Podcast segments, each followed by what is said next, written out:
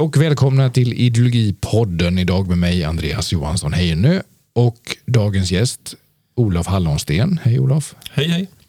Ska vi gå direkt på sak och eh, prata om vem du är? Eh, du bor ju som jag i Göteborg, men ja. Eh, precis som jag så jobbar du inte heller i Göteborg fast du jobbar söderut mest. Just det, på Lunds universitet på Ekonomihögskolan.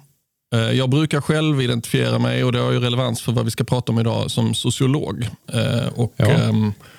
Egentligen i vad ska man säga, skärningspunkten mellan organisationssociologi, historisk sociologi och vetenskapssociologi kan man säga. Där någonstans är jag.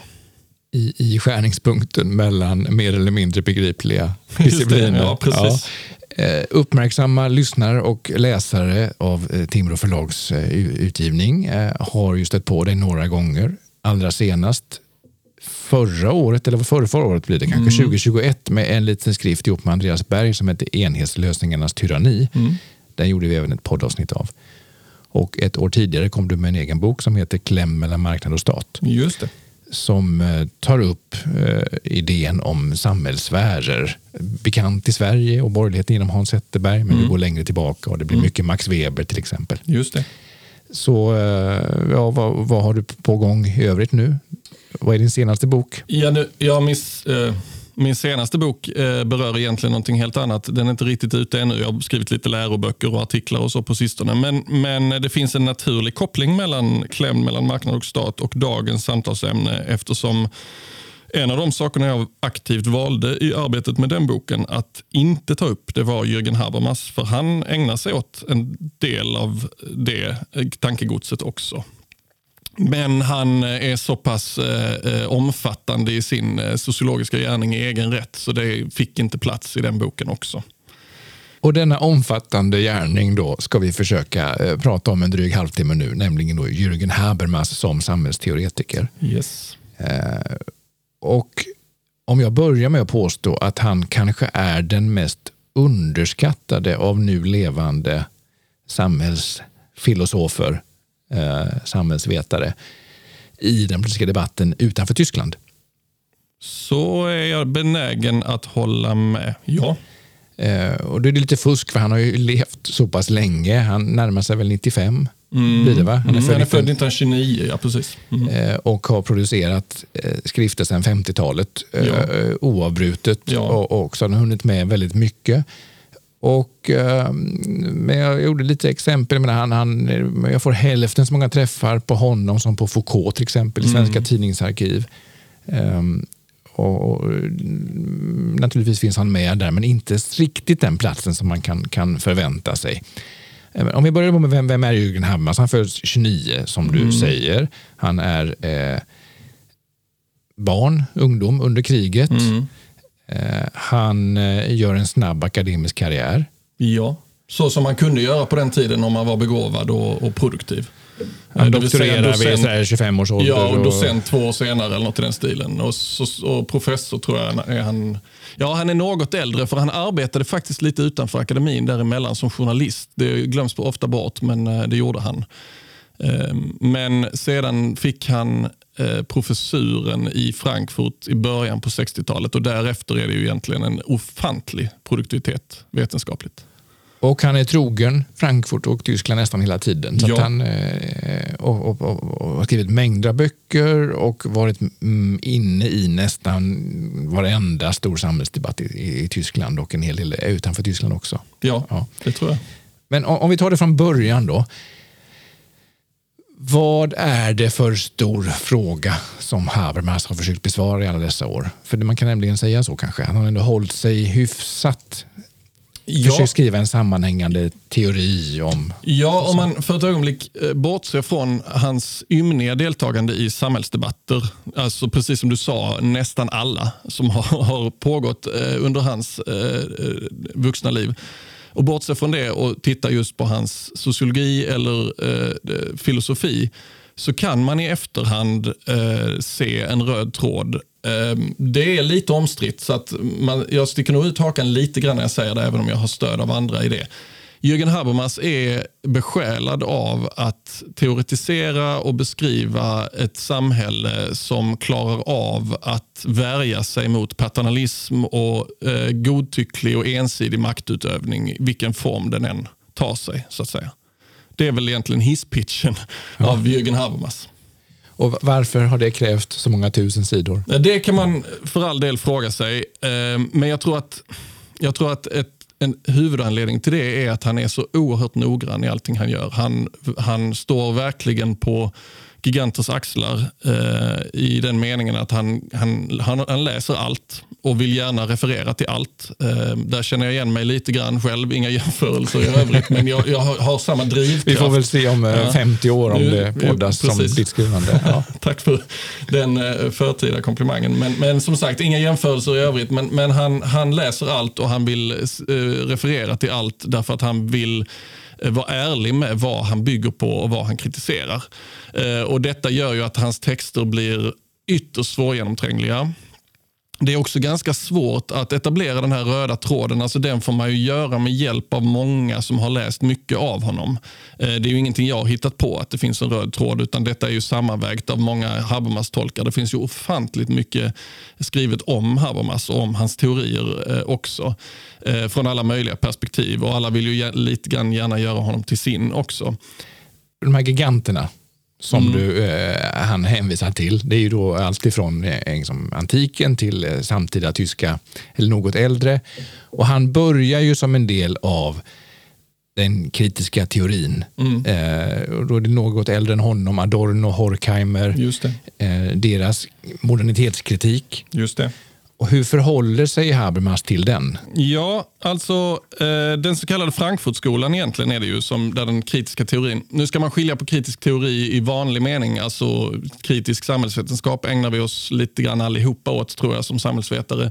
Kritisk teori, om man tänker sig det med stora begynnelsebokstäver, versaler, eh, så är det ju någonting som utvecklades av den så kallade Frankfurtskolan på 30-talet. I Frankfurt eh, redan på 20-talet grundades ett institut för social, institut för socialforschung eh, av en donation eh, av någon eh, eh, eh, filantrop som gav institutet en ganska fristående roll och det var tanken från början att det skulle syssla med eh, marxistisk te teori och, och analys av arbetarklassens historia.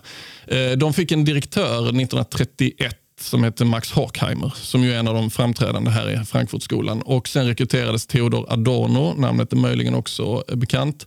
Eh, och De började ju arbeta tillsammans med att utveckla det som kom att kallas kritisk teori.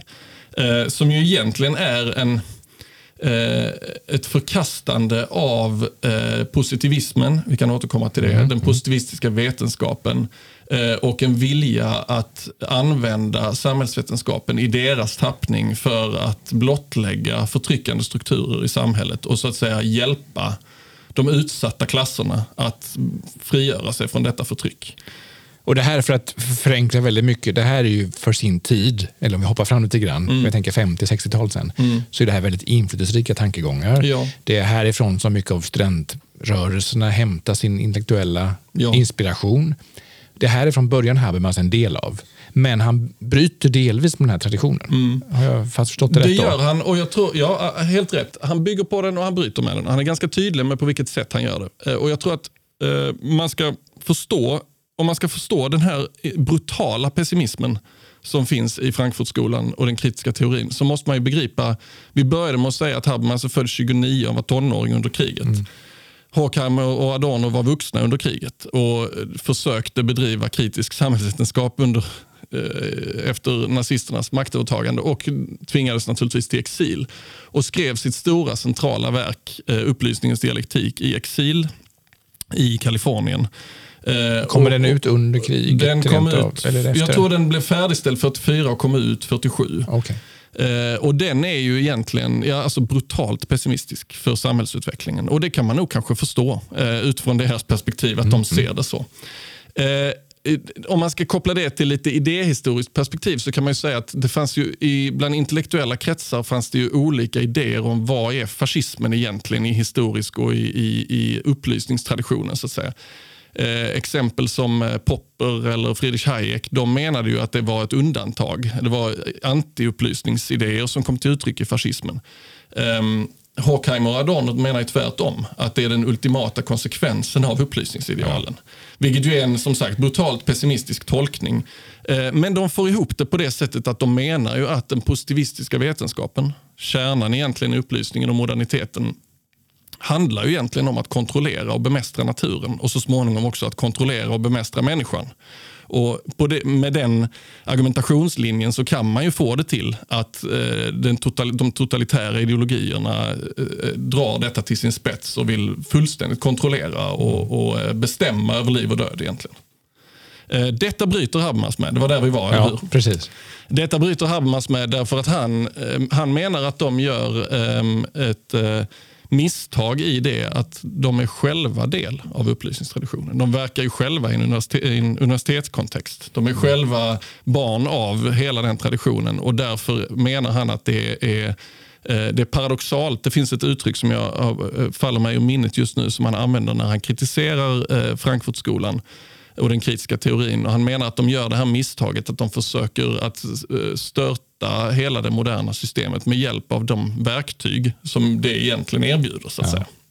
Hur, men hur lyckas Habermas ställa sig utanför detta? då? Vad är... Ja, han menar att man ska göra tvärtom. Att man behöver bejaka upplysningstraditionen och idealen. Kants uppmaning, lita till ditt eget förnuft och så vidare och använda sig av de verktygen som finns inom eh, den positivistiska vetenskapen för all del, men också den kritiska och på det sättet just blottlägga problem i moderniteten och bekämpa dem. Bekämpa fascismen med hjälp av eh, eh, eh upplysningsidealen och så vidare. Men hur hänger det här ihop? För, för, för det, detta är också då, samtidigt som vi har den här stora positivismstriden. Mm. Mm. Och, och, där är ju inte Habermas på positivisternas sida, eh, har jag förstått det som. Nej, och, och eh, så, han, så han är liksom negativ men samtidigt kritisk också mot och Adorno, fast han är på samma sida som dem i den striden. Ja, alltså precis. Positivismstriden Eh, till en början så tror jag att han ställer sig på, det, på sina lärares sida. För han är då fortfarande i början där. Han, han, fick som sagt professuren i Frankfurt 1963 eller 64 och det var ju Horkheimers professur så han upplever nog att han är arvtagare så att säga.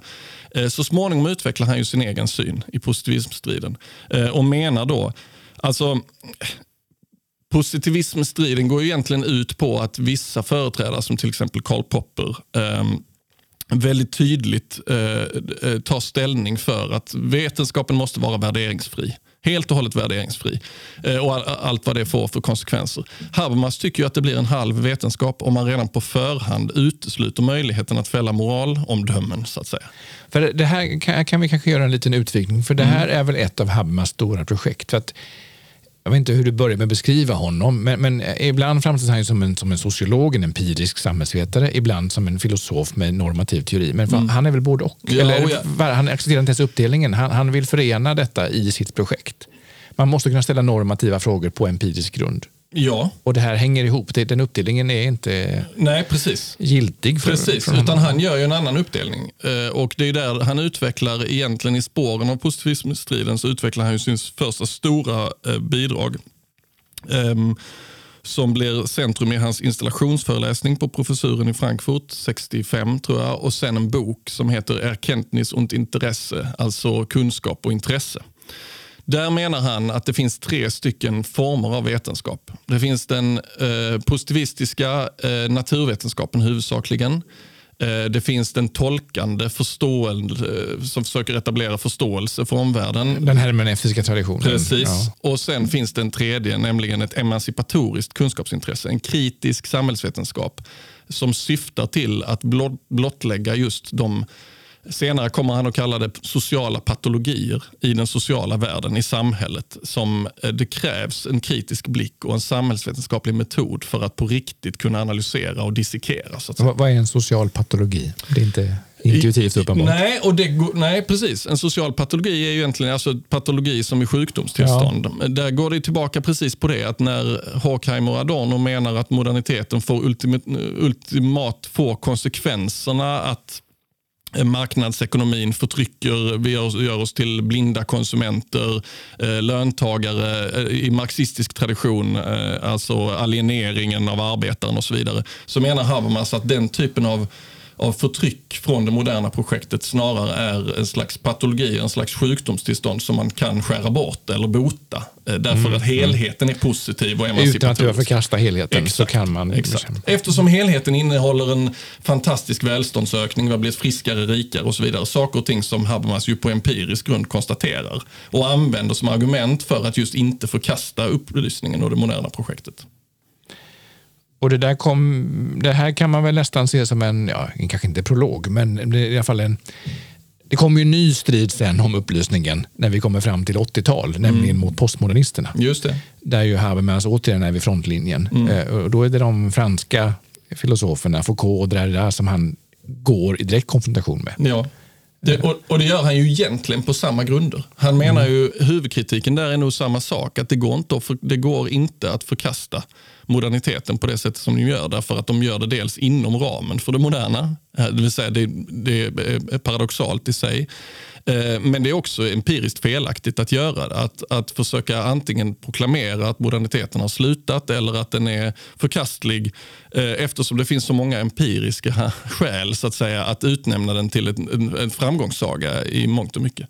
Sen är ju skillnaden mellan hans avståndstagande, eller så att säga hans kritik mot Frankfurtskolans kritiska teori och hans kritik mot postmodernismen är ju att i det senare fallet så beskyller han ju dem för att vara direkt slarviga och okunniga. Medan det skulle han ju aldrig drömma om att göra med Horkheimer Adorno eller så att säga, de andra som han har byggt på mer tidigare. Så den förra det var en mer respektfull eh, Absolut. debatt på lite mer gemensam grund ja. medan han tar i med de riktigt tunga rallarsvingarna mot, ja, eh, absolut. Det gör han mot de franska postmodernisterna. Ja, ja, Just det. Men om vi går tillbaka till hans konstruktiva arbete, hans försök mm. att bygga upp en teori, så, så är det ett verk som, som uh, står högre än de andra. Uh, säger jag inte utifrån att ha läst och värderat mm. själv, men hur det, från det brukar beskrivas. Och det är en bok som kom 1981. Ja. Uh, teorin om det kommunikativa handlandet. Just det. Vi pratade en stund innan, eller jag pratade en stund alldeles nyss om Erkenntnis und Intresse och de här tre kunskapsintressena. Och, um, det emancipatoriska kunskapsintresset är ju egentligen en slags, eh, ja det är en kritisk samhällsvetenskap som eh, på prövande grund försöker att eh, blottlägga och bekämpa olika förtryckande strukturer i samhället. Detta är egentligen kärnan i det Habermas försöker göra. Jag började med att säga att hisspitchen är ju att han är emot paternalism och ensidigt maktutövande och så. Sen märker han ju då, eller han får också mycket kritik för att han försöker göra detta utifrån en epistemologisk utgångspunkt. Alltså i kunskapsteoretisk. Exakt, en eh, kunskapsteoretisk. Och så kritiseras han då från, från olika håll för att eh, sammanblanda samhällsteori med kunskapsteori. Eh, och han själv konstaterar han något senare i något förord till någon skrift att han hamnade i en återvändsgränd i och med det. Att han behövde börja om egentligen. Jag tror att han skriver till och med börja om eller nystart och på 70-talet så genomgår han då vad han själv och andra har kallat för den språkliga vändningen. Det vill säga att istället för att utgå från just kunskapsteori så försöker han utgå snarare från en mycket, mycket mer basal handlingsteori. Eh, och där finner han att det som är grunden för all mänsklig samvaro är kommunikation, språklig kommunikation. Eh, och Det är det som leder fram till det kommunikativa handlandets teori, precis som du sa. Och Det här stora verket som ju väl egentligen alla är överens är hans stora, hans magnum opus så att säga, som kommer 1981. Fler som hävdar det än som har kanske läst alla sidorna? Det tror jag. Jag har inte läst alla sidorna i det. Eh, men, kan du ändå eh, vidareutveckla lite om den här teorin då, så att den inte låter alltför banal?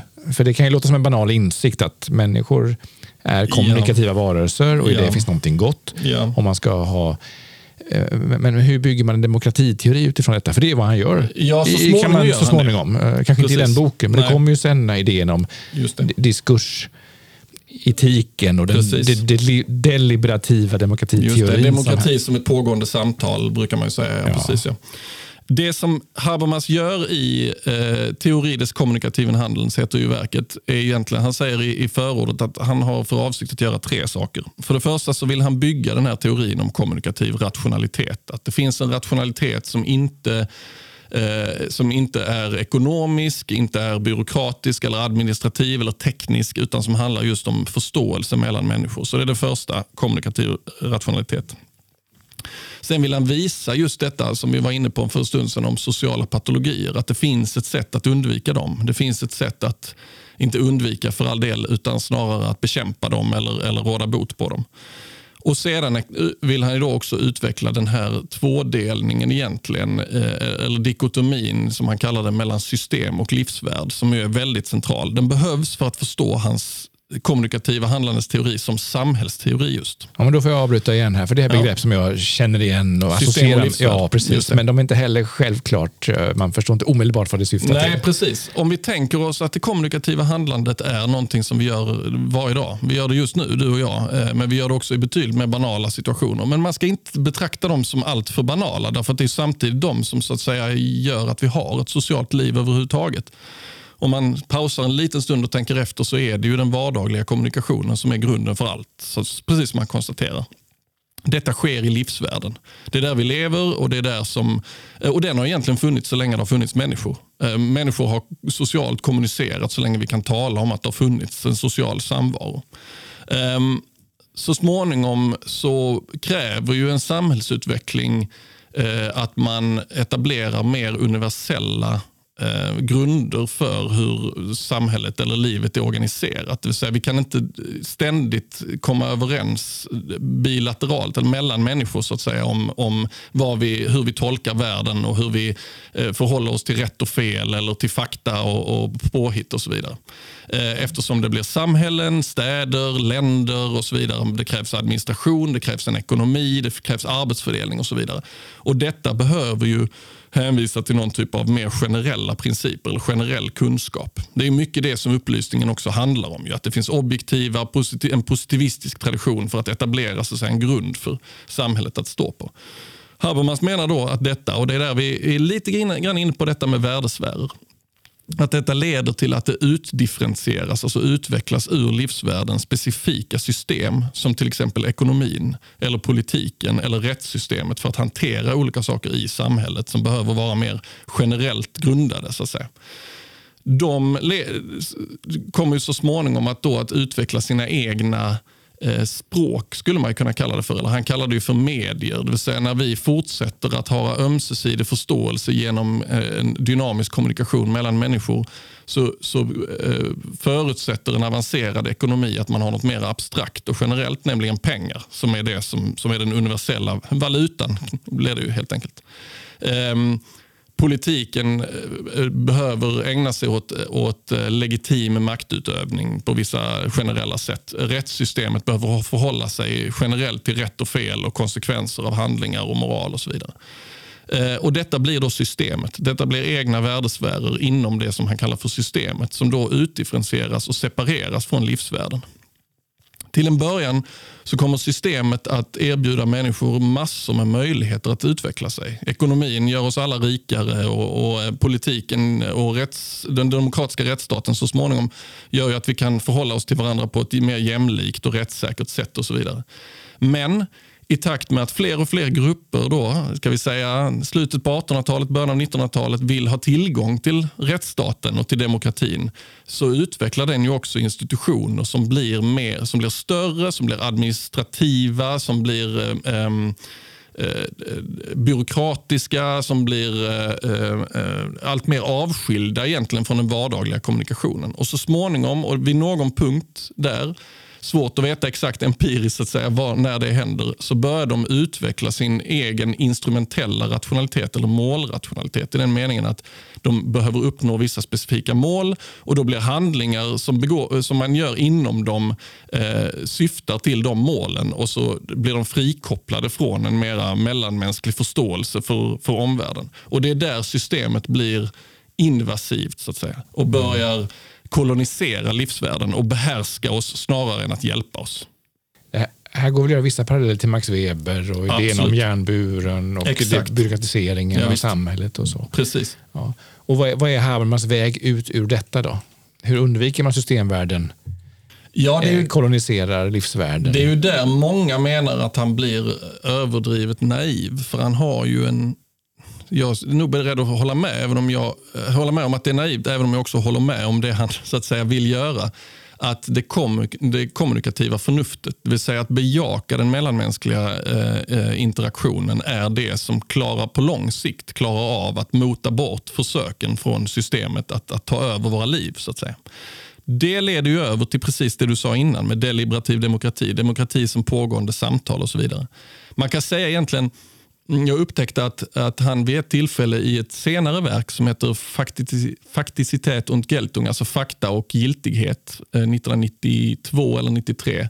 Där använder han ju eh, ett begrepp som finns i den amerikanska självständighetsdeklarationen, alltså the consent of the people. Alltså mm. att government by the consent of the people, det står i första stycket tror jag i självständighetsdeklarationen. Att det är det enda sättet som egentligen staten har legitimitet. Det är genom, att, eh, hur översätter vi consent? Medgivande. Medgivande ja. Precis. Och att detta eh, på lång sikt menar Habermas, det finns en del empiriskt grundade skäl att inte hålla med honom här. Utan det är ju en idealistisk teori. Mm. Men på lång sikt så finns det inget annat sätt att upprätthålla the consent of the people annat än att låta dem delta i det demokratiska samtalet genom att, så att säga, bejaka det kommunikativa förnuftet.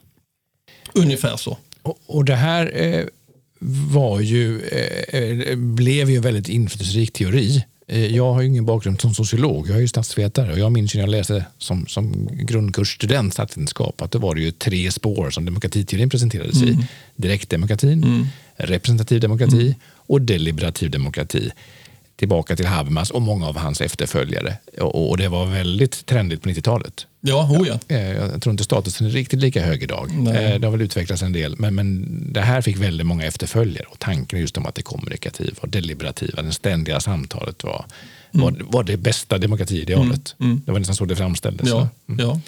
På 90-talet absolut. Ja.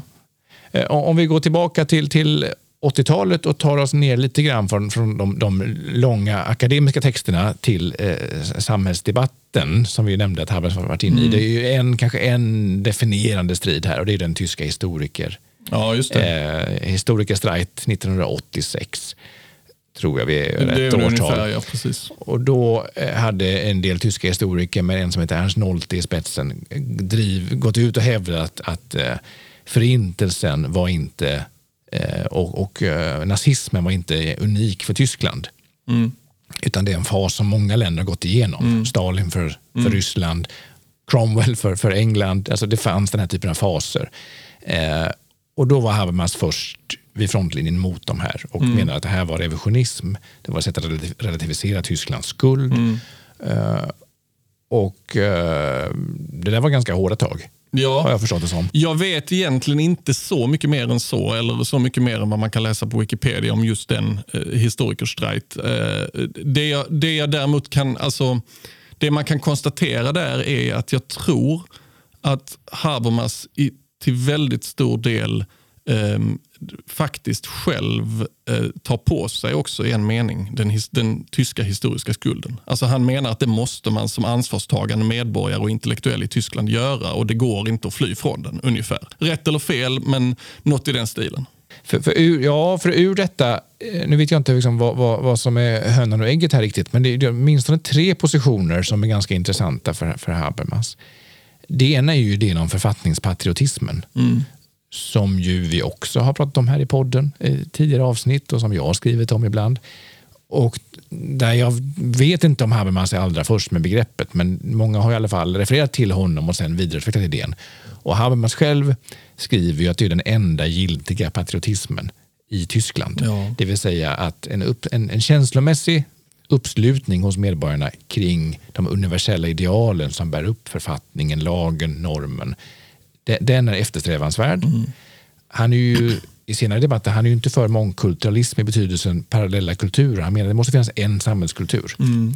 För att det här, det här kommunikativa mm. ska fungera Exakt. så måste vi kunna kommunicera med varandra. Samma ja. språk, samma ja. referensramar. Men den kulturen, den får inte så där, föra den, liksom den tyska historien vidare som tysk. Utan mm. det måste upphöjas mm. eh, till, till en högre nivå. Det är det som är idén med författningspatriotismen. Mm, okay, ja, just det. Eh, och det, det, harmonerar ju väl med den här positionen i historikerstriden och hur det. Liksom det, som du säger, att varje tysk måste bära det här ansvaret ja. också, att försöka frigöra sig från det. Det leder ju också till att han är en av få tyska intellektuella som 1990 tar ställning mot återföreningen. Mm. Eh, Günter Grass var en annan, kanske ja, mer förutsägbart. Men, men, Habermas eh, går alltså ut ganska hårt där och säger nej till detta. Mm. och det är ju inte för att han inte önskar Östtyskarna en bättre framtid. Det är inte ett försvar för det, det, gamla systemet i öst, men det är ju rädslan för vad återföreningen ska inne, ja. innebära. Ja. Eh, och det här publicerade, jag hittade ett, ett citat här. Eh, för det här publicerades även eh, Habermas artiklar, någon av dem publiceras även i, i svenska tidningar eh, som Jaha. en översättning, så att det uppfattades vara så pass relevant eh, som, som ja. ett bidrag på den tiden som Svenska kultursidor. Just det, eh, tog in texter av Jürgen Habermas. Ja. Då skriver Habermas så här. Kommer förbundsrepubliken efter murens öppnande att kastas tillbaka i ett nationalstatligt förflutet som medborgarna trodde var passerat? I det, i det totaltyska perspektivet bortfaller den begränsning som hittills har förhindrat att en förbundsrepublikansk ekonomisk stolthet kunde byggas in i nationell identitet. Mot bakgrund av den tysk-tyska valutaunionen kan nu alla tyskar identifiera sig med styrkan i D-markens utvidgade imperium. Det är ganska laddade ja. ordval här va? med imperium, det tysk-tyska, tillbaka till... Så det är en jättestark rädsla för att nu går Tyskland in i sin gamla historia ja. Och han menar att, i, att Tyskland var ekonomiskt starkt skapade en viss legitim stolthet i väst. Mm. Det får inte gå längre än så. Nej, det får, får. Och sen då den tredje positionen, som jag också knyter ihop med detta i min läsning, är ju hans väldigt starka entusiasm för, för EU. Ja, och en federalistisk mm. position. Precis. Där han ser EU som nödvändig för att begränsa nationalstaterna mm. och motverka nationalismen. Och han kommer med en bok sen som, om det postnationella tillståndet mm. som egentligen plädering då för varför, Just det. Precis, varför, EU Precis. behövs. Ja, Ehm, Eh, det är många trådar där som jag egentligen, eh, jag får nog eh, försöka, eh, som, eftersom jag är sociolog och läser eh, Habermas på det sättet, och, och så koppla detta tillbaka till en historisk sociologisk egentligen förståelse av det han har gjort och den han är och där han kommer ifrån. Vi pratade ju för en ganska lång stund sedan nu om just hans arv från Frankfurtskolan och detta med erfarenheterna från fascismen och erfarenheterna från kriget. Jag tänk, läser in i det här, i citatet du har och, och, och det eh, väldigt mycket av denna eh, eh, skulden så att säga som den eh, intellektuella eh, tysken har och bär och måste bära. Och som just i historikerstriden så, så blir han ju säkert väldigt arg på att det är ju intellektuella som, som eh, ger uttryck för de här andra ståndpunkterna. Eh, jag tror att eh, Jürgen Habermas i stor utsträckning menar att man, man som just som intellektuell har ett särskilt ansvar att se de sakerna som kanske inte gemene man gör och just gå tillbaka till det här med kritisk teori och det emancipatoriska kunskapsintresset. Att, att här tar, tar han på sig rollen att peka ut det som alla andra i någon slags återföreningseufori inte ser eller inte vill se. Eh, och, och ehm, eh, tar också tillfället i akt att jag menar, när han påpekar att eh, det finns skäl att vara stolt över Wirtschaftswunder, alltså den tyska ekonomiska utvecklingen, så finns det också skäl att, att vara misstänksam mot den och kalla den för, vad var det för ord, alltså förtry eh, inte förtryck kanske. Men... D-markens utvidgade imperium. Ja, vilket ju, det, ja, det kan man ju också på empiriska grunder säga att det fanns ett sådant. Det här var ju ungefär fast med andra ord vad Margaret Thatcher ja. hade som argument mot den tyska återföreningen och också. Säkert att, också de amerikanska presidenterna. Ja, det fanns en skepsis där. Precis, det, det, det, fanns utanför, ja. men, men, i Tyskland var det en ovanlig position. Just, ja, där, i högsta där gick det ju väldigt, väldigt fort. När, det gjorde det och, det och det finns väl all anledning egentligen för en sån som han att, att säga stopp ett tag, låt oss tänka igenom det här eh, en gång till. så att säga när det gäller just hans... Men hans, det framstår ju efter, alltså 33 år senare, framstår det ju som märkligt. Alltså nu, nu är det ju så en självklarhet att det var ett ja. rätt beslut och att, eh, Men, att DDR var en, liksom en konstruktion som inte men var alltså, legitim i den meningen. Men, men alltså ja. olika ståndpunkter i olika frågor framstår ju som märkliga på olika sätt beroende på var man är någonstans i historien. Alltså, om jag får göra en personlig reflektion. När jag har läst upplysningsdialektik av Horkheimer Adorno så jag skakar på huvudet. Jag tänkte, hur i hela friden kan man resonera på detta sättet? Eh, och Man måste ju försöka att tänka sig in i hur, och att det också sen blev så inflytelserikt på 60-talet. Mm. Mm. Alltså eh, detta med att, att Tyskland och dess institutioner till så stor del befolkades av människor som hade varit medlemmar i nazistpartiet. Alltså detta upplevs mm. som ett hot av en del intellektuella, med all rätt kanske. Mm. Så därför så tror jag att man, man behöver nog ge eh, alla intellektuella som deltar i den här typen av debatter the benefit of the doubt, även i efterhand. Så att säga. Och, och, apropå att ändra ståndpunkter, då, ett ytterligare tema jag vill ta upp det är ju eh, Habermas syn på religionen. där han eh, eh, nu gör Olof en grimas här att han inte är bekväm eh, och inläst på detta. Men väldigt kort, alltså, Habermas börjar ju i en liksom Marx-influerad tradition av att se religionen mm. som en mm. kontrollmekanism, alltså mm. folkets opium, hela den idén. Mm. Det, han skriver inte så mycket om religion, men när han gör det, förstår jag av referat, så är det mm. liksom den negativa. Men sen sker en vändning någon gång på 90-talet. Där han... Eh, Eh, då i sin idé om den här gemensamma kulturen menar att religionen har en värdefull plats. Och han går ganska långt där. Jag skrev något kapitel i en antologi för många år sedan där jag refererade till Habermas idé om det postsekulära, som är ett begrepp som han mm. använder. Mm. Där han då menar att det religiösa språket har en legitim plats i den gemensamma offentligheten. Ja. Det vill säga, det är en sak som många såklart, ja, man ska inte diskvalificeras som religiös. Men till och med det religiösa språket, de antaganden och så, rymmer en legitim plats. Man mm. behöver inte förvandla sig själv som religiös, nej, nej, utan man har samma mm. legitim. Det är en ganska långtgående ståndpunkt mm. som jag tror är radikal åt det hållet mm. i så svensk debatt idag mm. till exempel. Mm. Och det mynnar ut i den här samtalsboken med, ja. med, med Ratzinger. Med Ratzinger ja, precis. Eh, alltså den, den eh, före påven. Eh, där de då möts resonerar kring liksom, synen på ja, det, det, det, det, det sociologiska, teologiska, legitimera mm, den mm. nuvarande ordningen. Och så. Det. det. är ju ett ganska intressant fall av ändå hur en ledande, ledande samhällsteoretiker ändrar sig mm. så tydligt i sin uppfattning i en sakfråga. Gör han verkligen det? som sagt, jag är inte... Ja, det han, förstår det hans egna ord, ja. att han skriver om det som att ja, han har... Ja. Det, då vet vi ju om han har sagt det själv, så att säga. Men jag, är inte, jag kan inte detaljerna i det. Men jag kan ju konstatera att om man placerar in detta i hans samhällsteori eh, som, som en, i den systematiken som den ger, så är det ju eh, tror jag, för honom ganska lätt att se på empirisk grund och på sin ålders höst kanske till och med också att religionen inte tillhör de delarna av samhället som finns i systemet som verkar förtryckande idag. De mm. kanske gjorde det förr, mm. så att säga. Det kan vara en empirisk fråga eh, också. Exakt. va? Utan snarare erbjuder i den här kanske genomkommersialiserade, genombyråkratiserade världen som han ju också väldigt mycket beskriver, så kanske religionen är en fristad som, som befinner sig i livsvärlden där man kan få utlopp för det kommunikativa förnuftet. Mm. Så skulle jag tolka den mm den förändringen utifrån det han har byggt upp teorimässigt tidigare. Ja, så det hänger fortfarande ihop menar Absolut. du? Ja. Om vi nu gör lite, eh, ja, våld vet jag inte, men om vi, om vi nu ställer en fråga som möjligen Habermas själv skulle vara obekväm inför. Var kan man placera in honom politiskt? Mm. Eh, alltså, man tänker ursprunget här, Frankfurtskolan, mm. marxistiskt, mm. tydligt vänster. Mm. Det finns kritik av, av kapitalismen, av, av nyliberalismen oh ja. och så vidare. Samtidigt så är det ju mycket, när man hör din sammanfattning av hans idéer, som ändå är försvara friheten, motstånd mot, mot paternalism, motstånd ja. mot ett illegitimt styrande och så vidare. Det är mycket mm. som låter liberalt. Mm. Vad skulle du sätta för etikett? Ja, men alltså, är, vad, vad är det för politisk ideologi att vara mot paternalism? är ju den frågan man behöver ställa sig. Och På 60-talet så var det ju att vara socialist. Det var ju vänster att, att vända sig mot eh, eh, ensidigt maktutövande och så. Och det var han ju också. Han kallade sig socialist. Han, var, han uppmuntrade ju studentvänstern. Det finns mm. ju intressanta dialoger mellan honom och den här studentledaren Rudi Dutschke till ja. exempel. Och så.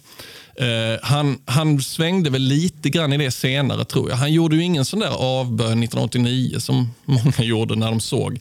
Utan då konstaterade han ju att det här är ju bara beviset på att statssocialismen inte fungerar och den hade han hela tiden eh, Han var aldrig kommunist. Absolut nej. inte. Nej.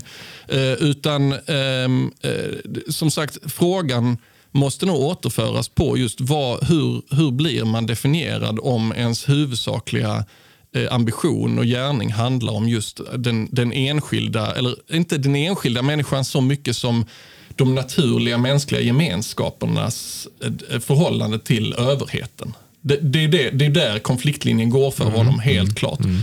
Och I olika historiska perioder blir man ju placerad i olika politiska fack eller läger när man har den inställningen. Och Det gör ju att idag, eh, nu sitter vi ju dessutom här i, på, på Timbro, Timbro förlag i alla fall, eh, så det är självklart att man skulle kunna läsa Habermas som en liberal. Alltså, han bejakar liberala värden. Inte minst så är han ju alltid trogen upplysningsidealet. Mm. Alltså Kants eh, lita på ditt egna förnuft och så vidare och, och, och, och allt det där. Eh, så det är klart att man kan. Jag vet ju att, nu tror kanske inte de lyssnar på den här podden ändå, men det finns en och annan eh, akademiker ute i Sverige med de gråa tidningarnas charm som skulle bli oerhört upprörda om man kallade Habermas för liberal. Ja. Eh, därför att låt, oss, ju... låt oss inte rädas den upprördheten. Nej, för all del. Och de kanske inte lyssnar ändå, som jag sa. Men ja, därför att han har ju blivit en vänsterikon. Mm. Såklart. Och jag förstår varför han har blivit det. Eh, inte minst så förstår jag de som kanske just i likhet med mig tycker att den kritiska teorin i Frankfurtskolan är oerhört brutalt pessimistisk och och eh, eh kullkastar allting. Eller som inte finner en hemvist i postmodernismen till exempel, i den typen av, av eh, kritisk teori. Mm. Eh, eh, utan som därmed finner någon slags mera humanistisk och, och eh, eh humanistisk sociologisk teori hos Habermas. Och dessutom, som vi har konstaterat, det finns ju en röd tråd i hans gärning. Det finns ju ett samband mellan det han gjorde i tidigt 60-tal och det han fortfarande gör idag. Det vill säga han, under hela den tiden så har han ju säkert varit någon att hålla sig i så att säga, för mm. de som inte är kommunister, men som heller inte blir eh, höger efter murens fall och så vidare, utan som vill gärna vara kvar i en humanistisk socialism. så att säga.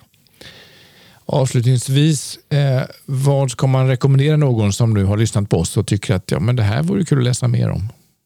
Kanske inte då Hans jag, Magnum Opus på 800 sidor. Nej, och jag skulle nog inte rekommendera... Ja, det är klart, är det någon som är sugen så ska jag väl inte avråda från att läsa Habermas i original. Men vill man, vill man eh, närma sig honom på ett lite enklare sätt så finns det ju en amerikansk sociolog och filosof, Thomas McCarthy, som har gjort en fantastisk gärning. Både att översätta Habermas till engelska men också skriva Eh, eh, förord till översättningarna där han sammanfattar och analyserar. Han har också skrivit egna verk där han analyserar Habermas eh, arbeten. Det finns en svensk sociolog som jag tycker är underskattad, Mikael Karleheden, som skrev mm. en doktorsavhandling 1996 om Jürgen Habermas. Den är läsvärd. Kan vara svår att hitta kanske? Det är det nog, fast om man googlar så kan man ja. hitta en pdf. Okej, okay, då fick ni ett tips i alla fall. ja.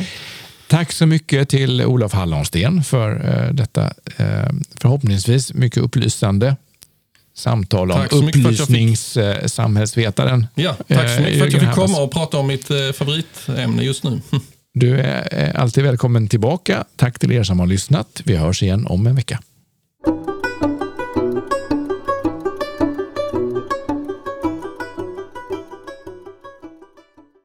Du har lyssnat på Ideologipodden, en produktion från Timbro förlag och Timbro presenterar. Inspelning och redigering av Johan Skugge, musik av Anders Meisner, Chilla Gorilla. Du hittar den här och alla våra andra poddar på timbro.se podcast.